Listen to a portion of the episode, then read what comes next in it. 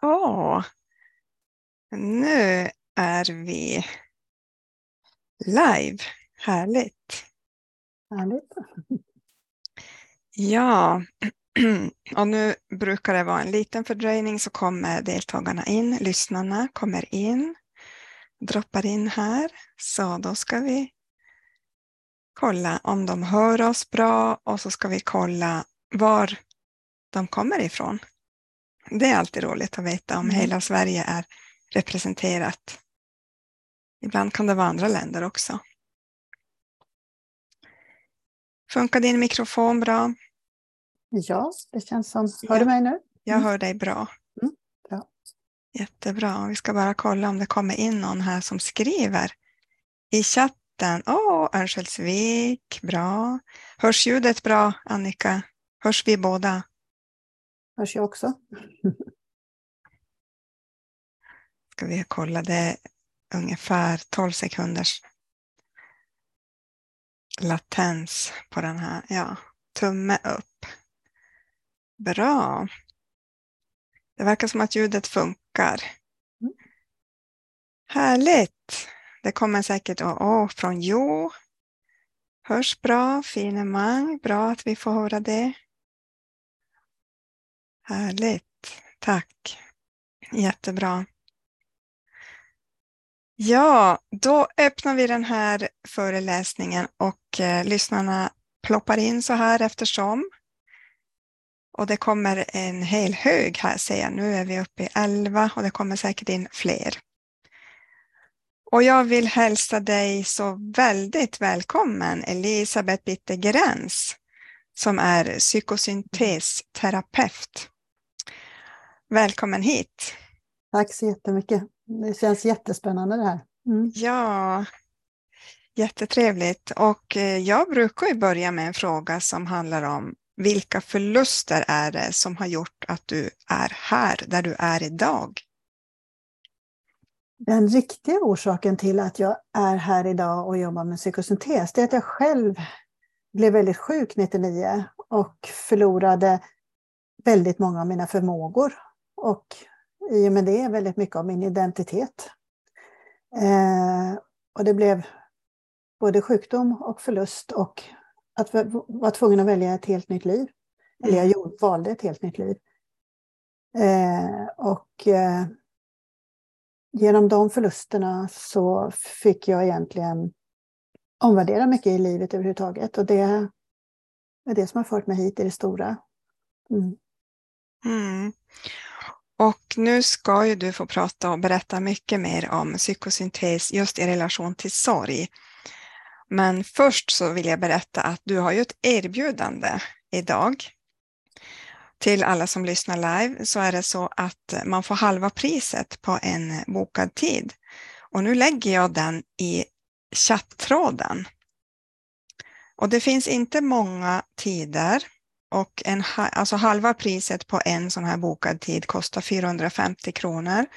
Så jag rekommenderar att känner man så här, ja, det kanske är någonting för mig, så passa på att boka. Det finns några tider som mm. är tillgängliga.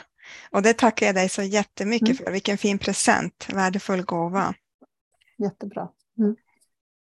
Jag har också en present faktiskt, för att det är nämligen så att jag firar att den här gruppen har nått över tusen personer. Det är nu över 1025 minst. Eh, så jag har ju erbjudande, jag har ju satt ner priset från 3900 till bara 900 kronor. Sorgretreat online och det är 17 till 19 mars. Så att ni får presenter från oss båda idag.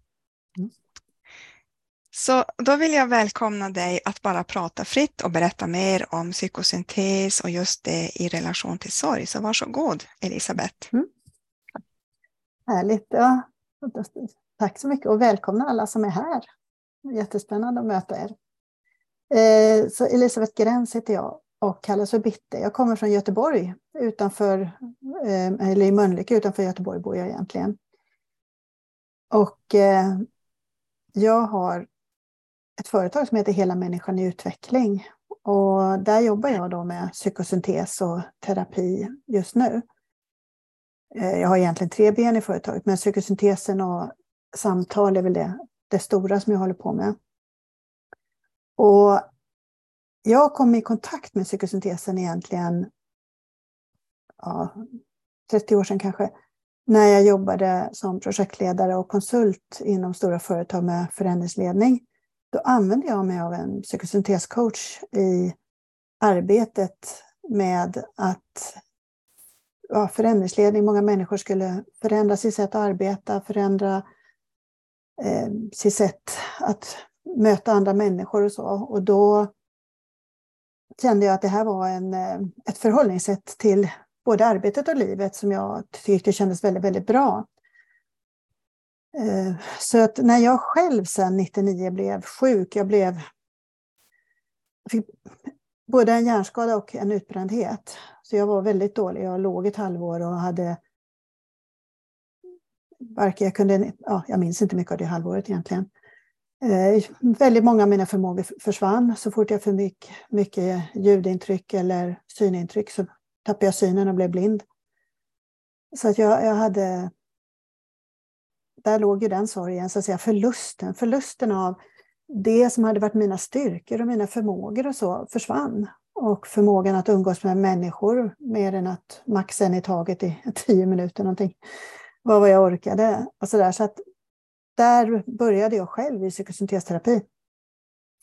Eh, för det var den terapiformen som låg mig nära hjärtat, som kändes så rätt efter att ha använt mig av psykosyntesen i arbetet innan. Och det var för mig en bra väg fram, för det var verkligen att, att få möta mig själv och mina känslor och möta den sorgen och förlusten jag kände. Eh, och inte bara titta på vad som var problem, utan bara få möta det som är och vara i det som är. Och få acceptera i kärlek egentligen det, det som finns. Och i det sen så kom ett växande att låta delar av mig som jag inte hade låtit eller kunnat ta fram egentligen utifrån det liv man lever och formas av. Så mycket nytt väcktes och nya förmågor som hade legat liksom under, under ytan fick växa.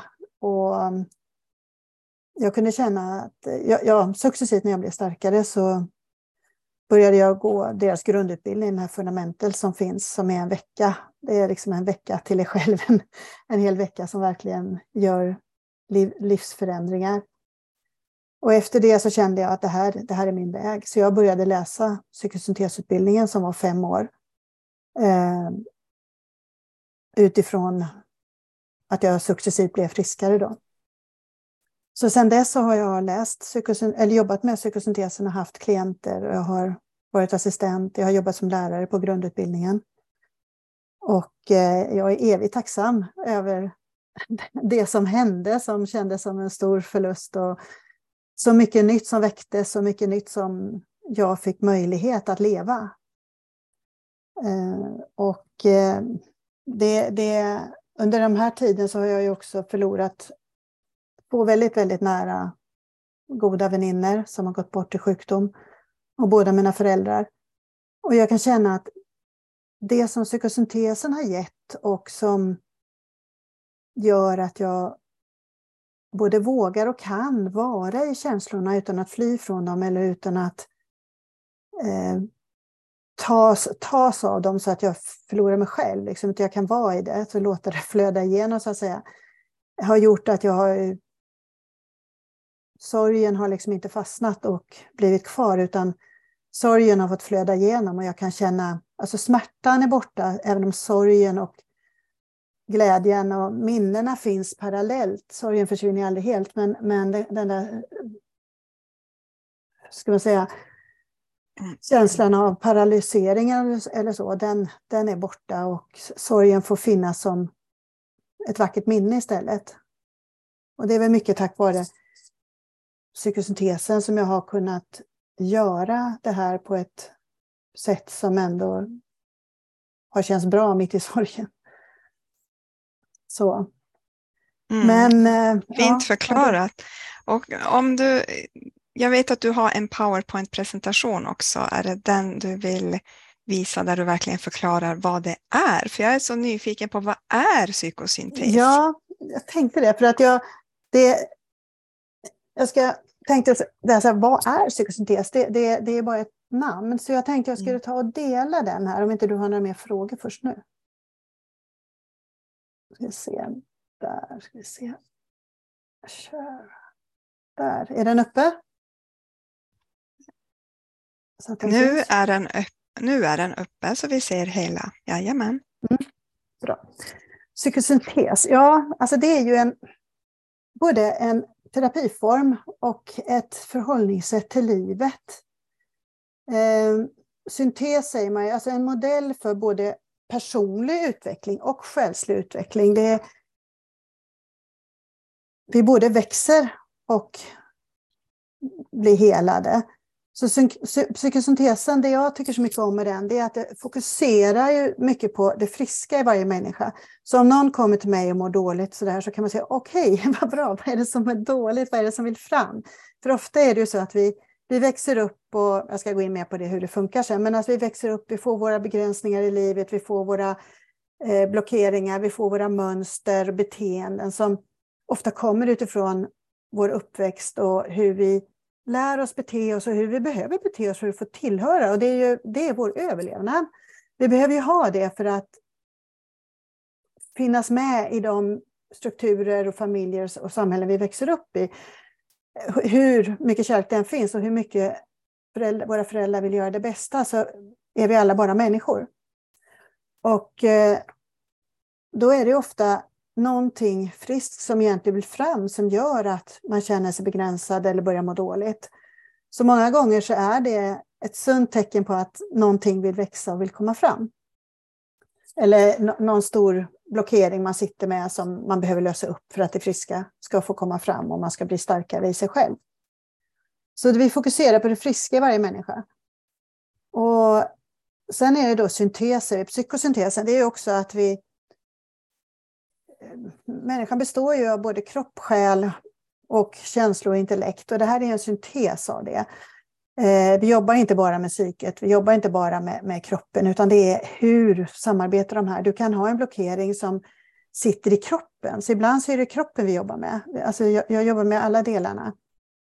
Eh, och många gånger så tänker vi, vi använder huvudet och tror att vi vet att vi tror, men kroppen sitter ju på så oerhört mycket information, så oerhört mycket av det som egentligen styr oss på ett omedvetet plan.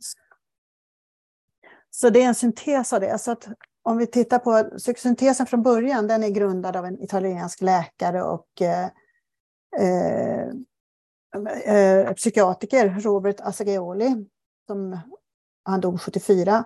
Han eh, fanns i Italien och han finns nu spridd över hela världen egentligen. Men han integrerade västerländskt synsätt med österländska tankar och filosofi. Så att det var verkligen väldigt mycket en syntes mellan det västerländska och det österländska och kropp och själ och att vi verkligen har en själ. Så att eh,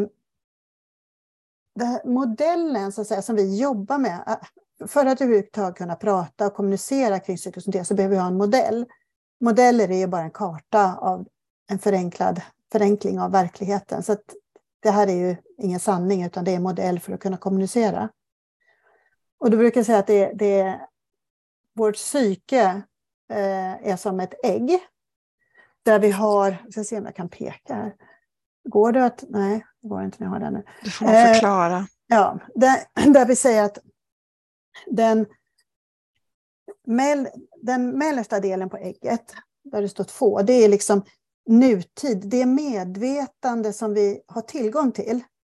Det vi kommer ihåg, eh, de förmågor och delar som vi har tillgång till i vårt vanliga liv. Och den inre cirkeln där, det är nu, det som precis sker nu. Det är vi som sitter här nu, vad vi har fokus på det är det här Zoom-mötet, eh, intervjun och det vi pratar om och psykosyntesen. Det är det som är i den inre cirkeln nu, det aktivt medvetna. Men vi har mycket runt omkring som vi kan plocka in och så välja vad som är aktivt medvetet. Och det är där vi liksom kan eh, ha vårt fokus. hur, mycket kan, hur länge kan vi hålla en viss sak inne i det här aktivt medvetna då? Men sen så har vi vår historia, myllan har jag skrivit där. och det är eh, det lägre omedvetna. Det är egentligen det vi ofta kallar undermedvetet. Eh, saker som vi har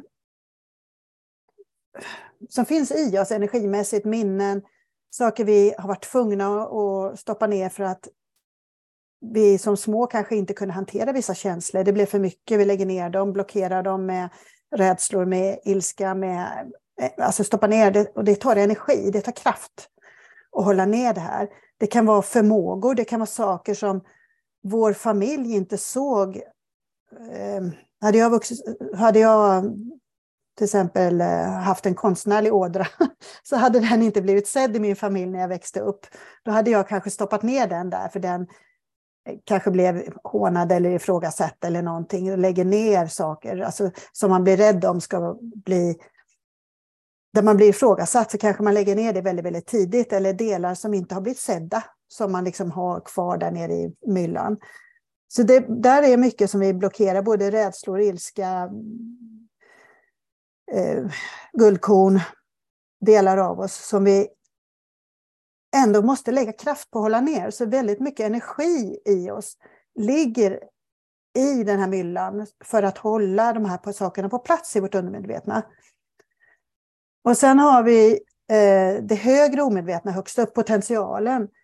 Det är vår... Alltså mycket av det vi har tillgång till när, ju mer vi växer. Men det är så att säga på ett träd, vi behöver myllan och rötterna och komma åt mer i myllan för att kunna komma åt mer i potentialen. Och där har vi ju, alltså där finns ju det, trans, alltså det, det, mer av det andliga, intuition, kreativitet. Eh, mycket av de delarna ligger där som vi kan få tillgång till successivt. Och alla de här strecken är ju streckade för att det är inget stängt utan det flödar upp och ner och emellan. Och utanför allt det här så har vi det kollektivt omedvetna. Det är det kollektiva runt oss som vi påverkas av. Och det gör att träffar jag på en människa som eh, har energier som jag känner av, antingen medvetet eller omedvetet, så påverkar det mig. Det är därför man kan möta en person som kanske visar sig på ett sätt ur det medvetna, men kanske har massor med blockeringar i undermedvetna. Och så känner jag att det här stämmer inte, det blir en osäkerhet i mötet. Människan kanske visar en sida, men utstrålar någonting annat från sitt undermedvetna. Och det känner min kropp igen, för jag kanske inte kan känna varför. Det kanske bara är något som skaver lite, som skapar lite otrygghet eller så. så här, det är många delar här. Eh, så se, jag fick jag med allt. Sen det här sexan högst upp, det transpersonella självet, det är ju en del av det som Asagoli stod för, att vi, vi har ett högre medvetande. Eh, I mitten som det står, det står vid femman där så står det ett ID, I, alltså det egna självet, jag. Eh, centrum av mig. Och när jag är helt centrerad i mig så kan jag ha kontakt uppåt med mitt, alltså sexan, det, det högre eh, transpersonella självet. Och det är ju sådana gånger som man bara vet saker utan att förstå varför man vet. Alltså, och det där kan ju hända när som helst i livet, men lättare och lättare ju mer centrerade och hemma i vårt jag vi är. Så det, det är så modellen är uppbyggd, liksom, som, som vi jobbar efter. Och det är så, vi säger det, vi är själar som har en personlighet. Eh, personligheten bygger vi upp under livet, den har vi ju inte när vi föds på det sättet att vi får ett ego. Vi behöver ju det här egot, personligheten för att leva. Själen kan inte bära vatten eller hugga ved, så det måste vi ha en personlighet, ett ego för att göra. Eh, men det högre omedvetna, det är ju källan till vår potential. Det är liksom våra ideal, vår kreativitet, vår intuition, andliga insikter och så. Och den här vill säga, altruistiska kärleken, den allsomfattande kärleken som vi kan få kontakt med där uppe. Det mellersta medvetna, det är liksom erfarenheter och minnen och som jag kan bli medveten om och använda mig av på ett medvetet plan. Och det lägre omedvetna, det är förträngda erfarenheter, förmågor, biologiska drifter och instinkter och skuggsidor som vi kanske som hoppar fram ibland som vi inte är medvetna om. Och även eh, förträngda sidor av oss som inte har fått växa fram, inte har fått framkallas. Som man säger, ingen har sett, de har inte kunnat framkallas. Eh, för vi behöver bli sedda, vi behöver mötas och se, bli sedda för att börja, börja skapa vår personlighet. Så du får gärna fråga under tiden här om du har frågor, Anna. Jag tänker på en fråga, att det här är ju, det finns ju andra skolor som egentligen säger samma sak men som har annan terminologi bara. Ja. Eh, så, vad kan man jämföra det här med? Ja, absolut. Det är bra. Eh, alltså både Assagioli och Jung, de var båda två elever till psykoanalysen och eh, Eh, Freud samtidigt. Så de var ju kollegor eller elever tillsammans. Och skillnaden som Assagioli har gjort är att han har det här transpersonella självet, att det finns någonting mer än bara vi här. Att det finns en andlighet, det finns en själ med ett syfte. Så att eh, om de tidigare har eh, huset som är, består av tre våningar, källare, våning och, och övervåning eller vind, så har han en balkong liksom upp till, till andligheten, till, till, till själen på ett högre plan. Och att vi har ett syfte. Och ofta så är det här en resa när vi, som vi säger, den yttre och inre resan. Att vi behöver göra den yttre resan, att växa i livet eh, och skapa vår personlighet med liksom, skolan, bilda familj, liksom, skapa livet. Men sen kommer ofta det här midlife crisis när vi liksom behöver, det är tomt, det är något som saknas. Jag behöver utveckla andra delar i mig också. Ett annat syfte. Och den här resan kan ju ofta vara lite krokig. Och ibland blir den väldigt krokig så att det ropar högt. Och där är den stora skillnaden med att det finns ett högre syfte också. Mm, vad spännande. Vad bra är, du förklarar så pedagogiskt. Jättebra. Ja, vad bra. Eh, jag älskar att prata om detta. Mm. Eh, men sen finns det en annan skillnad också och det är ju att vi använder kroppen. Det finns faktiskt ganska Alltså, när jag har terapi och så, det är inte så att vi bara sitter i stolen. Ibland får man röra sig, göra saker, känna efter i kroppen. Eh, eller sitta och känna efter i kroppen. Det finns, kroppen bär på så mycket information och det är lite av det som är syntesen, att det är det österländska med väldigt eh, mycket med kropp och rörelse och musik och sånt också. Så att eh, det är flera olika Ja, jag delar. har just eh, tagit del av den här boken Kroppen håller räkningen. Och den är ju så spännande just det där att allting lagras i vårt energisystem. Det är otroligt. Alltså det, jag har haft klienter som har haft riktigt, riktigt ont i kroppen och varit röntgade och trott det var fel på dem på olika sätt och de har inte hittat något fel. Men med terapin har blockeringen i kroppen som har gjort att de alltså, haft riktigt, riktigt allvarliga problem löst upp. Och det har varit energiblockeringar som har suttit på olika ställen som vi har kunnat lösa upp med psykosyntesen. Då. Så att det, kropp och själ hänger ihop. Ja. Väldigt mycket. Mm. Mm. Så, alltså ska vi se där. Och då i det här, när, när eh, alltså, många har säkert hört talas om delpersonligheter eh, eh, Ehm, och även ah, inre barnet och mycket sådana saker. Inre barnet är kanske inte riktigt en delpersonlighet, men det är ändå en väldigt viktig del i oss. Vi har ju alla våra åldrar i oss. Vi är ju som ett träd med alla årscirklar i oss. Och både energimässigt vi är ju bara energi. Kroppen är ju energi, tankarna är energi, känslorna är energi. Eh, och de kan blockeras och bli kvar i kroppen. Eh, och där skapar vi delpersonligheter i det här under livet. Och det här är ju, i olika situationer behöver vi bete oss på olika sätt.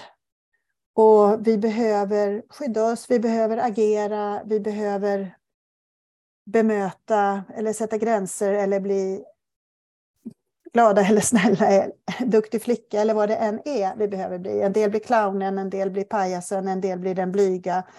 Alltså, det finns så många olika. delpersonligheter som vi alla har. Och eh, det här gör att vi jag kan tänka mig att flera av er känner igen att man plötsligt kan säga, men herregud, det bara hoppade ut en groda, man har sagt någonting. Eller man kan sitta på ett ställe så kommer det en viss person in, så bara plötsligt känner man sig liten eller blir arg utan att man förstår varför. Och då kan det ha triggats i en delpersonlighet som plötsligt tar över för att skydda oss.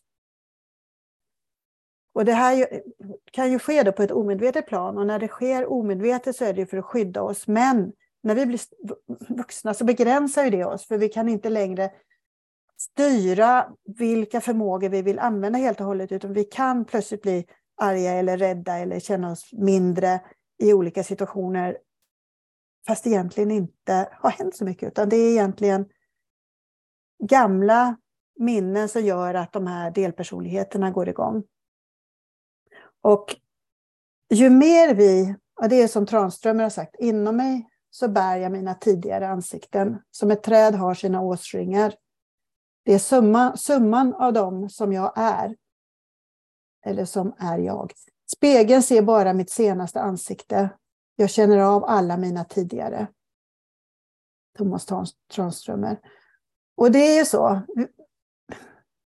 Det syns inte utåt vilka delpersonlighet vi har. Det kan synas på vår gång, på vår andning, på vårt våra ansiktsdrag, på kännas på vår energi när vi byter mellan delpersonligheter.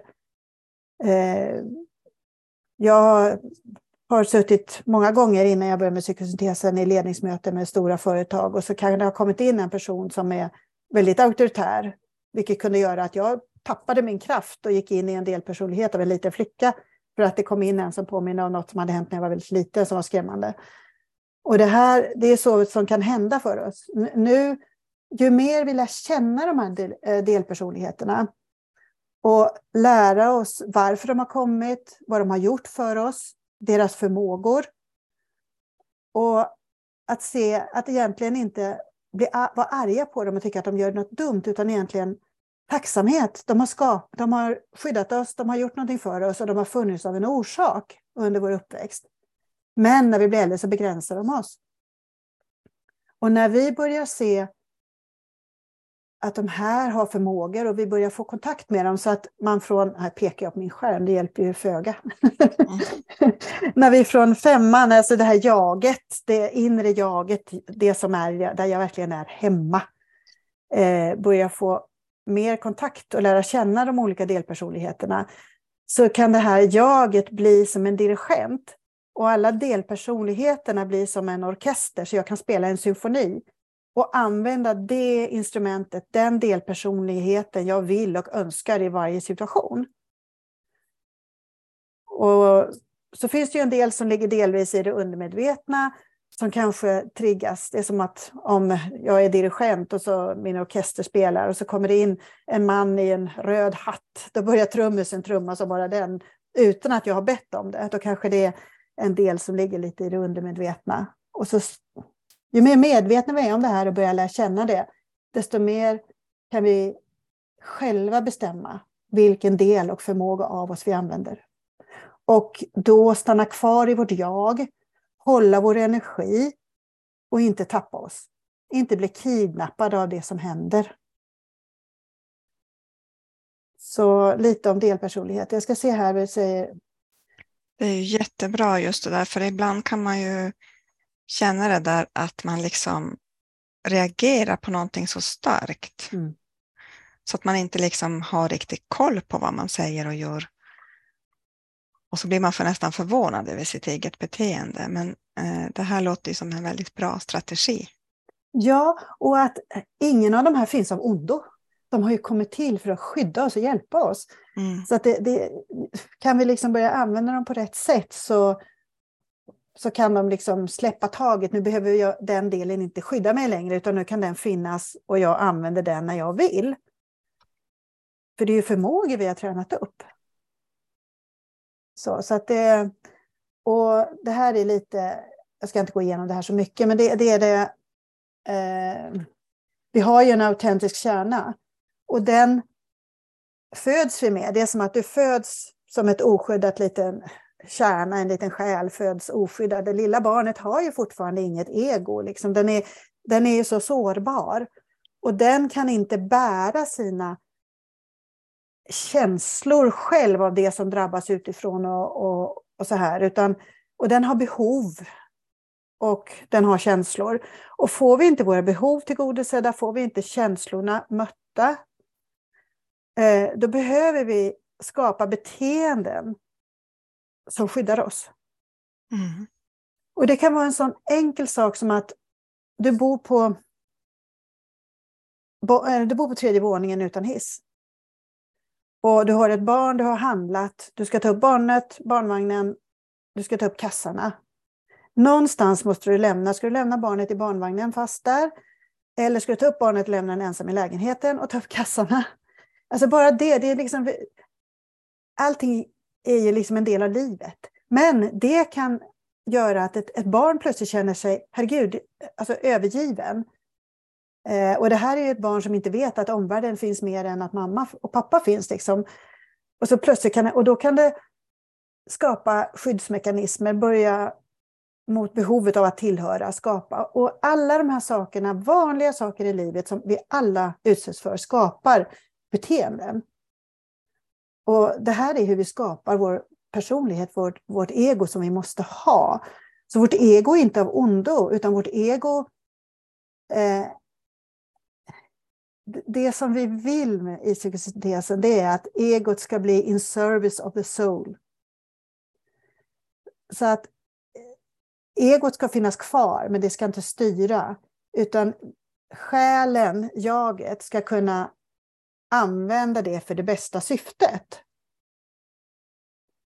Så att, eh, för det är ofta tänker man att alla pratar om att egot är dåligt, men det är det inte, utan det är när egot styr själv utifrån gamla beteenden och behov som det går överstyr. Mm. Bra förklarat. Så, där, så det, jag tycker det är så vackert det där. Egos in the service of the soul. Mm. så att det, det är inte så att det är fel att ha ett ego, utan det är hur det styr oss och hur vi använder det. Mm. Så. Och sen när vi då tittar på, nu är jag tillbaka till den här, för jag har lagt till en sak här. Eh, och där är en röd, om ni ser att det är röda streck där. Eh, det ligger som som en åtta, det går upp och det går ner. Så, här. så att, tänk er att man åker i det här som en åtta. Nu börjar där vid femman i, i jaget, när man, om vi jobbar i psykosyntes. Vi börjar i det medvetna. Vi går ner och jobbar i det undermedvetna. Och plocka med oss lite upp i taget som gör att vi kan stärka vårt jag, vi kan grunda oss, vi kan bli stabilare och stå i att bli mera oss själva. Och ju starkare vårt jag är, desto mer kan vi ta resan upp och hämta hem mer uppifrån. För vi kan aldrig hämta hem mer uppifrån än vi har styrka nerifrån. Då blir det som att vi behöver rötterna, stabiliteten för att stärka vårt jag och vårt varande här. För att kunna hämta hem mer och bli mer av vår potential.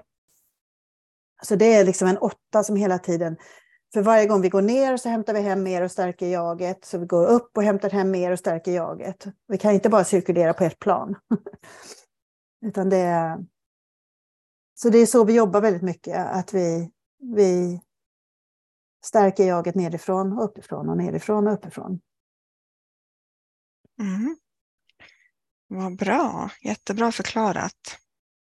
Ska vi se här.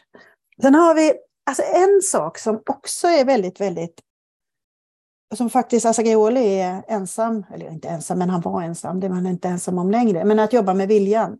Och att viljan, hur viktig del viljan är i, i, eh, arbete, i, i, i, arbetet med sin, med sin psyke överhuvudtaget. Ehm, ska jag först läsa den här. Att det var eh, flera stenhuggare som eh, arbetade på, eh, med ett, på ett bygge, eller sten, de byggde, det var långt tillbaka. Och de här stenhuggarna kommer fram en man och frågar, vad gör du? Frågar han den första stenhuggaren. Jag hugger sten ser du väl, svarar han. Så gick han vidare och frågade ännu en. Och han svarade, jag arbetar för att försörja min familj. Då gick han vidare ännu en bit och frågade nummer tre. Jag bygger en vacker katedral. Och de gjorde samma sak. Men det var deras inställning till vad de gjorde. De upplever det helt olika och har helt olika syfte. Och det kan man tänka, det kan ju räcka att diska. Och tänka, vad, vad är det jag gör? Jag diskar den här disken, den måste bort. Ah, jag diskar för att det ska vara så stökigt hemma. Eller jag gör det vackert. Jag, jag ser till att jag har det vackert omkring mig. Alltså, jag, jag gör någonting som, som är en del av livet. Det, här, det, det blir vackert. Vi, har, vi kan ha helt olika inställning till, till, till vad vi än gör. Och den första, den har ju egentligen ingen tillgång till sin vilja eller sitt syfte, utan blir mer ett offer av situationen. Den andra har en vilja, ett ansvar och valmöjligheter, men inte något högre syfte. Och den tredje, han är sin vilja, den är inbäddad i psyket, så han, han känner ett syfte med det han gör på ett större sätt. Så det är en gammal anekdot som vi, som vi har för att ta oss in i viljan. och inom psykosyntesen så har vi då personliga viljan och vi har den transpersonella viljan. Den personliga viljan eh, finns tre delar av. Och vi brukar säga att eh, alltså den starka viljan, den talangfulla viljan och den goda viljan.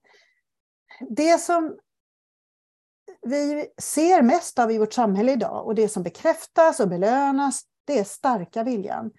Alltså den här viljan, du sätter ett mål, du går mot målet, du är stringent, du stänger av allt annat, du är helt målinriktad. Det är det som oftast vi kallar för, för alltså du har en stark vilja.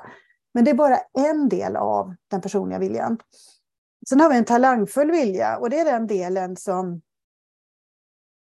ser till att... Alltså hur ska jag förklara det här utan att krångla in mig. Så jag säger, eh, den som ser till att du gör det på ett skickligt sätt. Skillful will säger vi på engelska. Alltså den, den starka viljan, alltså du ska gå någonstans, du, bara, du kanske ska gå över ett berg, du bara går rakt över. Den talangfulla kan se till att du hittar bästa vägen. Det kanske tar längre tid, men det kan bli bästa lösningen totalt sett. Du kommer till målet, men det kanske tar längre tid. Du kanske får hitta lite andra lösningar. Men du mår bättre efteråt och du kanske får en bättre totallösning. Eh, och den goda viljan det är att ha ett hjärta med i det hela. Att du faktiskt ser på både dig själv och andra med kärlek i det här. Eh, så att det blir något gott också det, eh, i, i det hela. Och de här behöver vara i balans. Och i samhället idag så är starka viljan alldeles för stark. Eh, och baksidan på de här, om, tar, om, man har för mycket stark vilja, då, då kanske man kör över människor, eh, missar saker som kommer in eh, som man inte ser, för man är bara avstängd rakt mot, mot sitt mål. Eh, den talangfulla viljans baksida, om man har för mycket av den, då blir man manipulativ. Och den goda viljans baksida det är att du är lättstyrd, du är lättmanövrerad, du tappar, det, du tappar målet. Så att alla sidor har en baksida och alla sidor har styrkor. Och det gäller att ha de här i balans. Och det, det, det är ganska många som blir väldigt överraskade när vi börjar jobba med det här och ser herregud, jag har ju väldigt mycket av det där. Det är därför jag kanske inte kan sätta gränser. Det är därför jag kanske gör så där. Därför jag lyssnar mer på det än det. Eh, eller därför som folk går undan när jag kommer. Alltså det, det, är så mycket saker som händer när man börjar titta på det här i sig själv. Det är mycket, jätteintressant, fast det, det, är inte helt enkelt. Mm. Och när de är i balans, starka, talangfulla och goda viljan, då har vi mer tillgång till den transpersonella viljan som är vårt högre syfte. Men sen så är det ju så också att varje delpersonlighet har ju också en vilja. För, ska se om jag bläddrar tillbaka här. Där. Om vi tittar på jaget i mitten där, det I, femman, så är ju eh, där har vi ju vår centrala vilja, den som kan vara kopplad till den, vår högre vilja. Liksom, den, där vi säger, du kan ju säga, alltså de som har rökt, de kanske har slutat röka tio gånger. Och sen plötsligt bara, nu ska jag sluta röka. Och då kan det ha varit så att det är delpersoner som sagt, du borde sluta röka, jag borde sluta röka, jag borde göra det. Och det så är det dragkamp eller massa saker, jag vill det och jag vill det. Och så blir det en dragkamp mellan olika viljor inom en och den här inre dialogen. Och så plötsligt så bara, nu, nu vill jag. Och då kan man ha hittat viljan i sitt centrum. Och då plötsligt är det inte svårt längre. Det är som när man hittar den viljan, då, då det kan vara komplicerat och svårt, men det är lätt ändå att göra det. För att man är på plats. Och så länge man kämpar med olika delpersonligheters viljor, då blir det kampen fram och tillbaka, fram och tillbaka och det och så gör man det ett tag så släpper man det. Så, ja. Kanske någon som känner igen sig. Jag gör det i alla fall. Mm. Ja, det kan jag känna igen, just det där att att man kan ha olika viljor inom sig själv. Mm. Och det är ofta olika delpersonligheter som har olika behov och olika viljor. Och så plötsligt när det är någonting som plötsligt bara trillar på plats, då, då bara är det enkelt att göra sakerna även om de kan vara komplicerade och svåra. Härligt. Tänk om det var så hela tiden. Mm. man kan jobba på det. Men det är inte, ja. alltså, det är inte enkelt där med viljan. Det är det eh, jag vill säga till alla lyssnare nu att passa på om det är så att du har en fråga så skriv den i chatten så kan Elisabeth svara nu och eh, annars om du inte har någon fråga så passa på och boka tid med henne om du inte redan har gjort det för det finns ju några där för halva priset, alltså 450 kronor. Mm. Så om du har en fråga eh, en specifik fråga som du vill få svar på nu. Så varsågod och passa på. Mm. Bra. Så här är bara lite jättegärna och kom med frågor. Jag älskar frågor. den personliga viljan det är då den starka, talangfulla och goda och de organiserar personligheten. De behöver vara i balans. Eh, och när de är eh, och den transpersonella viljan, det är vårt högre vilja, förmågan att, att tjäna världen på något sätt utifrån ett högre syfte. Men det, den delen av vår personliga vilja som är i skuggan, som vi inte har kontakt med, det är den som styr oss ofta. Och så blir vi arga på oss själva. Och sådär. Det har vi väl alla varit med om. Men den integrerade delen kan vi använda oss av. Och sen, hur går det till? Om man vill gå i terapi överhuvudtaget, mer än den här provgången. Ofta är det här rätt långa terapier, för vi säger att själen har inte samma tempo som livet i övrigt. Själen är ganska långsam. Och eh, det, vi tvingar aldrig fram någonting, utan det som är dags för kommer upp. Och eh, vi jobbar ju både med samtal, visualiseringar. Och det är väldigt olika vad klienter kommer med. En del kommer med minnen, händelser som vi går in i. Eh, och men det kommer med, akt, med aktuella, riktigt alltså brinnande saker. Då får man kanske börja lite med KBT först och så och sen gå in på, på djupet. Och sen så en del får drömmar som säger nu, nu börjar det här komma från det undermedvetna. Och så är det en dröm och så plötsligt så bara kan man börja jobba med de sakerna som de kanske inte ens har kommit ihåg. Ja, det är helt magiskt när sånt händer. Så att det, det, det, alla har sitt eget personliga sätt att hitta i sitt undermedvetna och växa. Och, ja, vad härligt. Nu har vi fått in en fråga här. Ja. Om man inte hittar viljan, kraften efter en depression, hur gör man då? Då kan man börja titta på vad, vad fanns det mer i depressionen? Vad, alltså börja titta på den, acceptera den och titta vad är det jag egentligen inte kan känna kärlek till i mig själv? Är det någonting jag stöter bort eller känner skuld eller skam för? För ofta är det skuld och skam som står i vägen också. Eh, och samtidigt så är ju depression lite beroende på var den kommer ifrån. Om den är utifrån att psyket är i obalans och du får en depression eller om det är hormoniska, eh, alltså hormonella saker och så. Så att eh, det finns inget enkelt svar, men många gånger är det att vi behöver titta på en acceptans och en kärlek till oss själva, att det här hände av, en orsak på något sätt. Och det behöver ju inte vara något jag förstår nu, det förstår jag kanske långt senare, men en acceptans till det. Och att det finns någonting mer som vill bli sett. Mm. Men det beror också på orsaken till depressionen. Eh, för är det hormoniella och så, då kan det också vara att vi behöver stödja med andra saker. Och många gånger så är ju psyket, en depression kan ju också vara kopplat till serotoninnivåer, eh, mycket andra hormoniella nivåer och då kan det vara en obalans i näringssystemet i kroppen som också kan behöva hjälp på traven. För psyket tar ju, alltså om du är stressad eller orolig eller vad du än är så tar det otroligt mycket näring från eh, kroppen och hjärnan. Så att det, det finns flera vägar där. Inget mm. rent enkelt svar. Mm. Jättebra. Och här finns en till. Eh, jag vill mycket men har svårt att hålla fokus efter utmattningen och nu i sorgen. Mm. Ja, och det där har jag jättestor förståelse för. För det, det, det här att hålla fokus när man har varit i utmattning.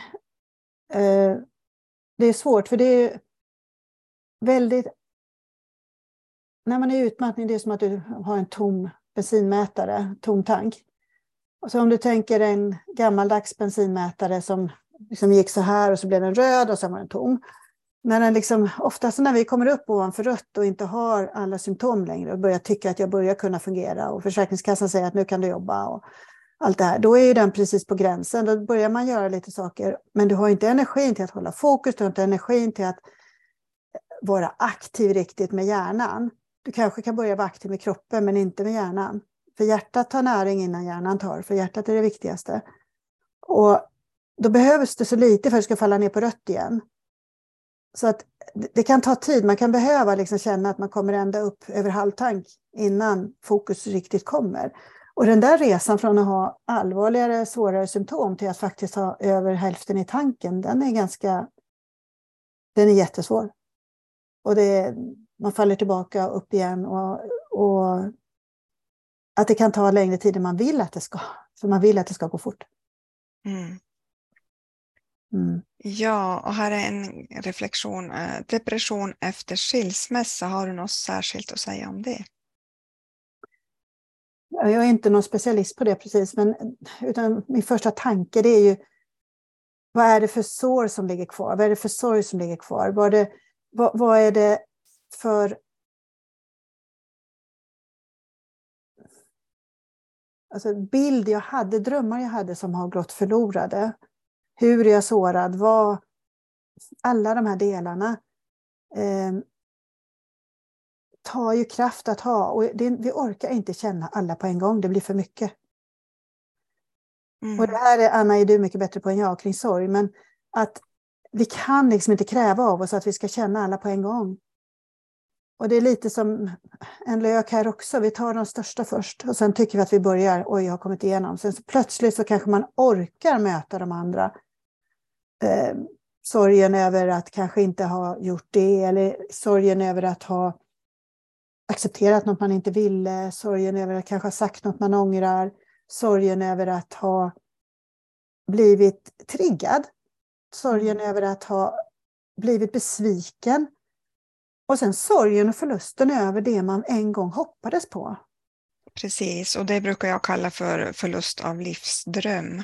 Ja. Och jag skulle vilja vara så provokativ eh, faktiskt så att jag säger att mis min misstanke är att det inte är egentligen depression efter skilsmässa. För skilsmässa är en av de mest komplicerade förlusterna som man är i. För det mm. finns otroligt många sekundära förluster runt omkring en skilsmässa. Ja. Så då kan man ju rekommendera kanske att du är med på antingen sorgretreat online som är om två och en halv vecka eller så boka tid hos Elisabeth. Mm. För det finns hjälp att få. Det är väl någonting som vi båda kan säga att det, det, spelar inte så stor roll kanske. Man ska bara känna efter. Var kan jag söka hjälp? Ja, men mm. det kanske inte spelar så jättestor roll utan man provar sig fram och ser vad man känner sig bekväm med och var man hittar sin personliga bästa kemi. Mm. Eh, och eh, och så tar man hjälp, för att ofta behöver vi hjälp. Det, det som är en jättestor myt tycker jag, det är att vi alla klarar oss själva. Det, det, gör vi inte. Vi är skapade för, för att vara tillsammans och hjälpa varandra, tänker jag. Mm.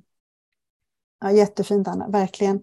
Och jag, jag håller så mycket med om, om det du säger. Det, det finns så många olika former av hjälp att få som kan hjälpa. Och det, det är individen, vad passar den?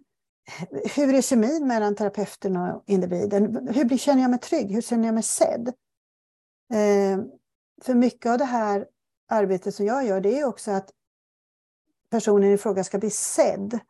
Att i ett tryggt sammanhang, vi brukar kalla det för e- e- e- external unifying center, men det är ju att, att, att kunna bli sedd och accepterad och känna att det finns en kärlek i det seendet, vad man än visar, för allt har man gjort för att man i stunden trodde det var det bästa. Mm, och utifrån precis. den förmåga man har, eller hade. Mm. Och det kommer så mycket skuld och skam in sen. Har du någon fler bild i din PowerPoint-presentation? Eh, det var bara att vet, det har jag sagt. Nej, det var det. Sen. Ja, då kan, vi ta, då kan vi ta ner den så vi får se varandra igen. Ja, då tar jag, ska vi se hur jag tar bort den. Ja, tack. Ska vi se. Escape. Hur, där tar jag bort den. Så, nu! Så. Nu! Härligt. Ja, men tack så jättemycket. Vi har fått eh, många svar och eh, många reflektioner tror jag kommer här efter. Och det, det är inte så lätt att fråga kanske så här direkt eh, i, i livesändningen. Men om man kommer på frågor efteråt mm. då kan man väl bara höra av sig. Absolut, och jag tycker det är enklast. Alltså, mejla eller ta ett telefonsamtal och så ta på telefon. Ja. Eh, och jag menar, det, jag tar inga terapier rakt över telefon, men jag kan ta samtal så vi kan se om det är lämpligt att gå vidare eller inte. Precis. alltid, första samtalet är alltid, känns det här bra? Kan vi sätta en bra kontext? Känns det som att det här är tryggt? Känner du dig sedd och trygg i det här? Annars så får du hitta någon som du känner dig mer trygg med, liksom, som känns bättre. Det är så viktigt att det stämmer, annars så är det ingen idé. Precis, och det är bra att säga också att om man vill träffa dig och komma på ett fysiskt möte ja. så bor du i Göteborg. Ja, och jag har min mottagning i, Göteborg vid, ja, Göta, vid Götaplatsen. Ja, jättebra. Göteborg, Götaplatsen, så att mm. då vill man träffas. Men det går, det går också att ha samtal via Zoom. Yes, det går. Det blir inte lika mycket kroppsliga övningar då kan jag säga. Nej, precis. Ja, man får anpassa sig. Ja. Och nu har jag mm. lagt den här eh, länken igen, bokningslänken har jag lagt i tråden. Så jag hoppas att de tider som du erbjuder för halva mm. priset, att de verkligen redan nu är bokade. Mm. Det är fyra stycken tider som ligger där och det är tre nästa vecka och en veckan efter. Jättebra. Mm. Tusen tack. Jag vill tacka dig så jättemycket ja. för den här stunden vi har haft tillsammans. Så mycket värdefull kunskap. Och tack till alla lyssnare. Det har varit 15 som mest, så vi är jättetacksamma för, för alla. Och vill man se det här i efterhand så går det bra att bara gå in i gruppen och se i efterhand. Och sen kommer det här också finnas på Youtube podcast. Så bra. Tack snälla för att du har gjort det här. Jag älskar ja. att få sprida psykosyntesen. ja, tack så jättemycket och ha mm. nu en trevlig kväll. Detsamma. Hej då allihopa. Hej då.